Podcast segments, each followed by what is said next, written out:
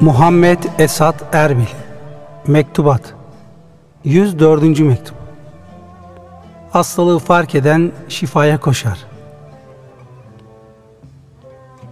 Ailenin, gailenin çokluğundan ve nefes darlığından şikayetinize pek sevindim. Zira en büyük felaket insanın bu kesret aleminin zararlarını bilmemesi ve hastalığını teşhis edememesidir.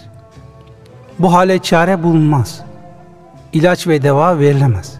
Doktora başvurulamaz.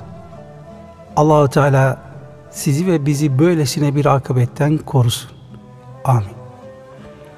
Bu fakir kardeşinize kalırsa her türlü marifet özelliklerine sahip şahsiyetiniz, erdiğiniz idrak ve izan sayesinde şeytanın aldatmaca ve hilelerine kapılmaz, nefsi emmareye de büsbütün mağlup olmaz.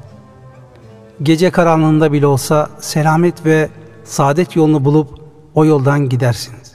Şeytanı atlatıp aldatır, nefsi emmareyi de inandırıp ikna edersiniz.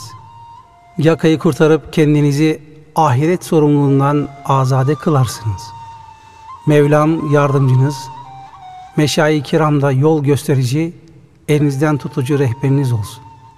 Rabıta deliliniz, hafiz zikir, müşfik ve merhametli arkadaşınız olsun. Amin. Ülfet ve iltifat dolu mektubunuzu görüp, eski merhametinizin devam ettiğini fark edince dualarımı şükran diliyle tekrar tekrar ve tam bir ihlas ile Cenab-ı Hakk'ın huzuruna takdim eyledim. Vesselamu Aleyküm.